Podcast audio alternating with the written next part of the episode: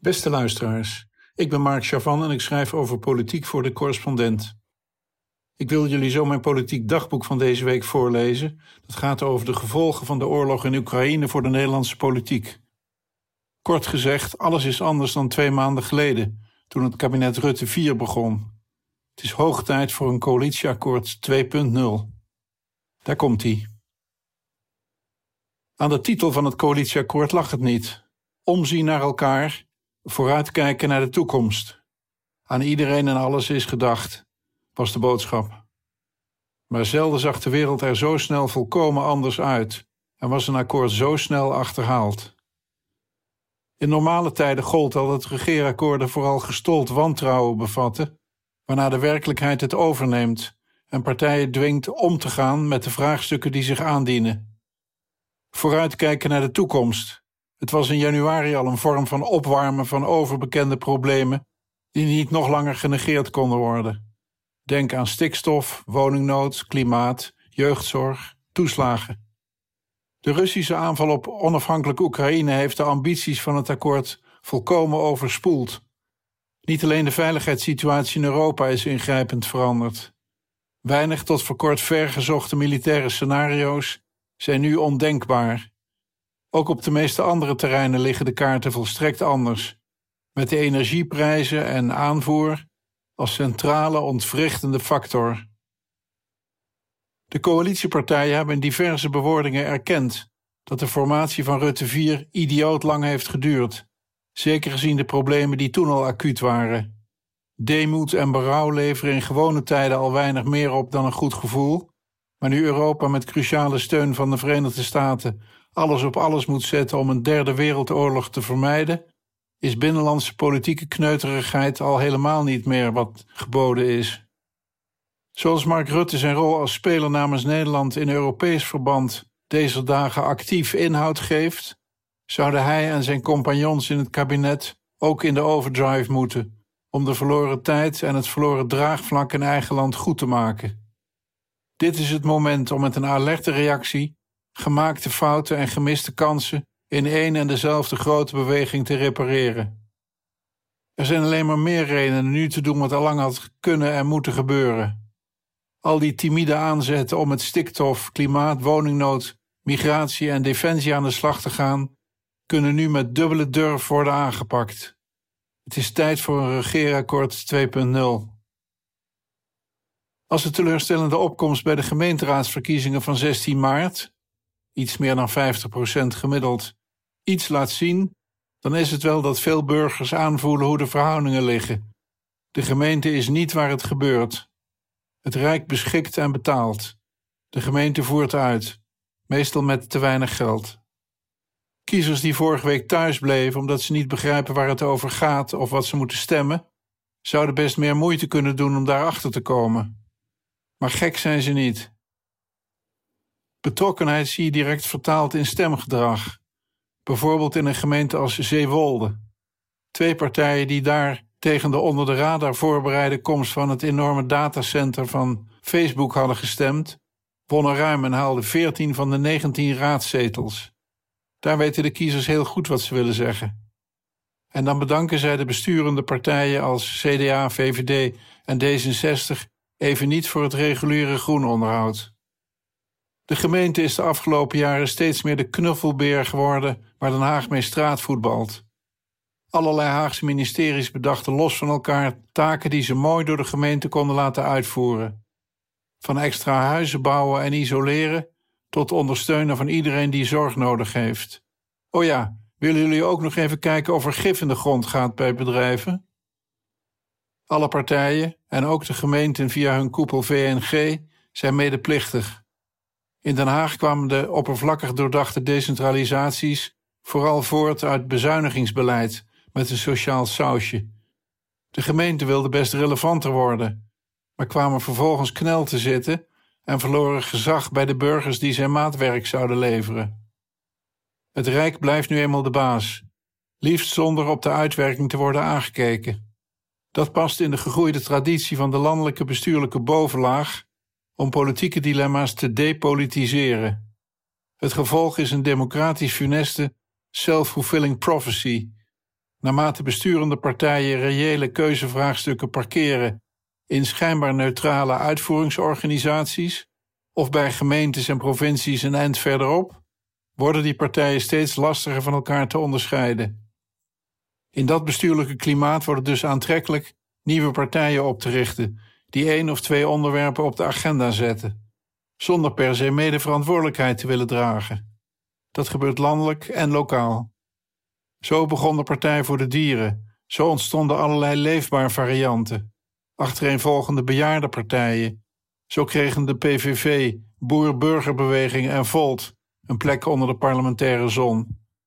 De marketing van Forum voor Democratie is de uitzondering, want geënt op de laatste impuls van huisje Thierry Baudet.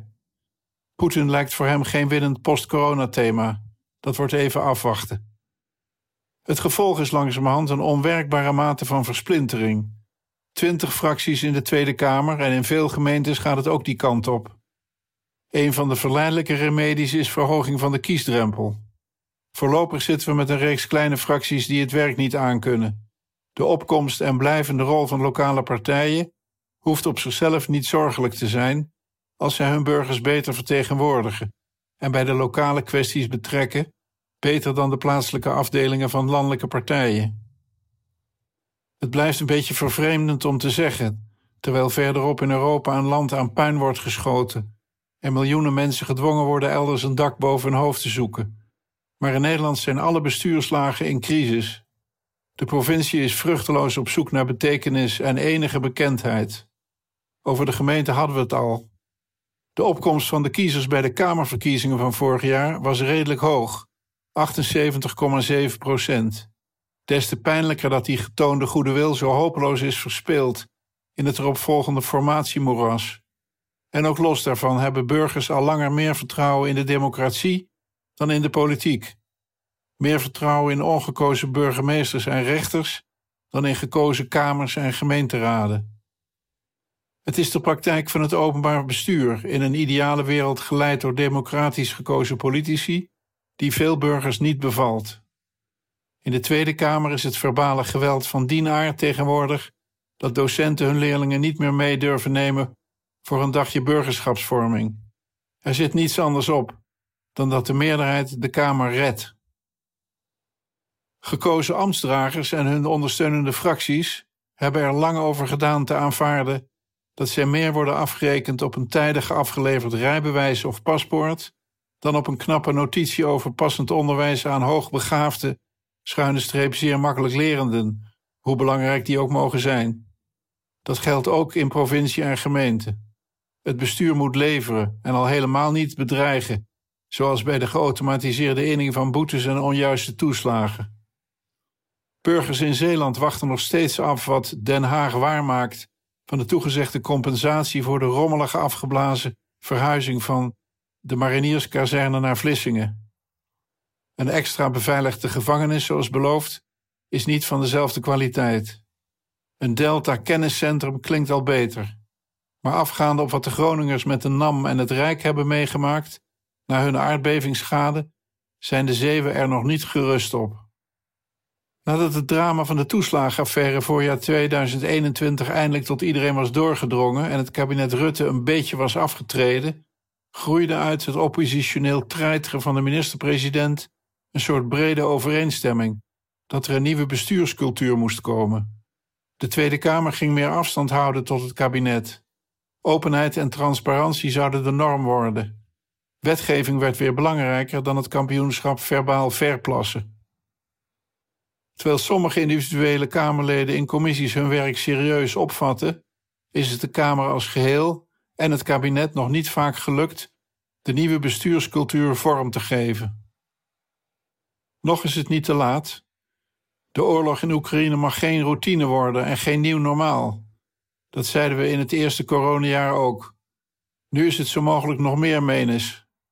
De gewelddadige denkbeelden van het regime in Moskou dwingen Nederland en Europa de bestaande orde radicaal te herzien. Voorbeeld. Defensie is geen hobby voor liefhebbers van uniformen, die ten prooi zijn gevallen aan het militair-industrieel complex, maar bittere noodzaak om onze vrijheden te beschermen tegen onverlaten. Het vergt jaren inzet om de kaalslag bij de krijgsmacht in kaart te brengen en samen met Europese partners weer een geloofwaardige verdedigingsmacht op te bouwen. Dat vergt meer dan alleen geld, vooral politieke wil en organisatiekracht. Poetins oorlog heeft ook de Europese afhankelijkheid van zijn olie en gas zichtbaar gemaakt voor wie het nog niet doorhad. Nu merkt iedereen hoe lastig het is om daar weer van af te komen. Voor we massaal overschakelen op kolen en andere smerig opgewekte energie uit ook niet altijd even mensenrechtelijke landen, is het zaak de energietransitie met alle middelen naar voren te halen. Wil het kabinet draagvlak krijgen en houden voor alles wat nu moet, dan zal het vorig jaar verworven inzicht van de noodzaak van een betrouwbare overheid met evenveel kracht moeten worden toegepast. Dat stelt eisen aan de herziening van het stelsel van belastingen en toeslagen, een meer solidaire verdeling van de lasten dan in het coalitieakkoord 1.0. Het is een betrouwbare overheid, is een voorspelbare overheid, geleid door een politieke leiding die zegt wat ze doet en doet wat ze zegt. Vaarwel gelikte overheidsvoorlichting, die uit is op het beschermen van de bewindslieden, in plaats van het uitleggen van de uitdagingen waaraan wordt gewerkt, die vertelt hoe het karwei vordert en niet suggereert dat het morgen af is en alles goed komt. Om zoveel mogelijk mensen mee te nemen is het nodig een regeerakkoord 2.0 op te stellen. Liever in een weekeinde geschreven dan in negen maanden uitonderhandeld. Als nu nog niet duidelijk is dat onderhandelen over gedetailleerde regeerakkoorden zinloos tijdvermorsen is, dan wordt het nooit duidelijk. Vier A4'tjes moet voldoende zijn. Op basis van het coalitieakkoord van jaren terug, januari 2022 moeten de nu noodzakelijke principes en prioriteiten worden vastgelegd, met ruimte voor nieuwe inzichten als permanente opdracht in de bijsluiter. Belangrijk is dat wordt aangekondigd dat de tijd van gratis geld voorbij gaat. Het huidige coalitieakkoord was een optelsom van wat de vier partijen wilden en sommigen vooral niet wilden. Zoals de econoom Wiemar Bolhuis heeft voorgerekend, is Rutte een bijeengeleend kabinet. Voor de grote opgaven op het gebied van klimaat, mobiliteit en woningbouw worden miljarden geleend, vrijwel zonder lastenverzwaring bij burgers of bedrijven, zoals de deelnemende partijprogramma's wel suggereerden. Er is niet gekozen, niet afgewogen, maar uitgegeven op de pof, waarbij het dan ook nog eens de vraag is of voor al die grote programma's tegelijk voldoende arbeidskrachten te vinden zijn. De Europese Centrale Bank is langzaam en behoedzamer dan de collega's in Washington en Londen met terugkeren naar klassiek beleid, gericht op een beperkte inflatie, maar ook hier zal een reële rente ooit terugkomen. Het zal in Nederland waarschijnlijk nodig zijn keuzes te maken in de komende begrotingen. Het vastleggen van de uitgangspunten daarvoor is nu aan de orde. Het kabinet doet er goed aan die omwenteling duidelijk te markeren het is tijd, kortom, voor een coalitieakkoord 2.0. Lukt het Den Haag om begrijpend te kijken naar de reuze omwenteling die zich in één weekeinde in Berlijn heeft voltrokken? Zo'n moment is het, ook in Nederland. De oorlog in Europa is een crisis van ongekende omvang en gevolgen. Voordat deze megacrisis een permacrisis wordt, die de democratie in het voorbijgaan wegspoelt, is het nodig dat de regering zich een nieuwe basis timmert en van de goede voornemens van vorig jaar werk maakt. Van de nood een deugd, geen overbodige luxe. Tot zover. Dank voor het luisteren. Ben je nog geen lid van de correspondent? Word dat dan en maak onze journalistieke missie mogelijk. Ga dan naar decorrespondent.nl schuine streep, word lid en meld je aan. Bedankt.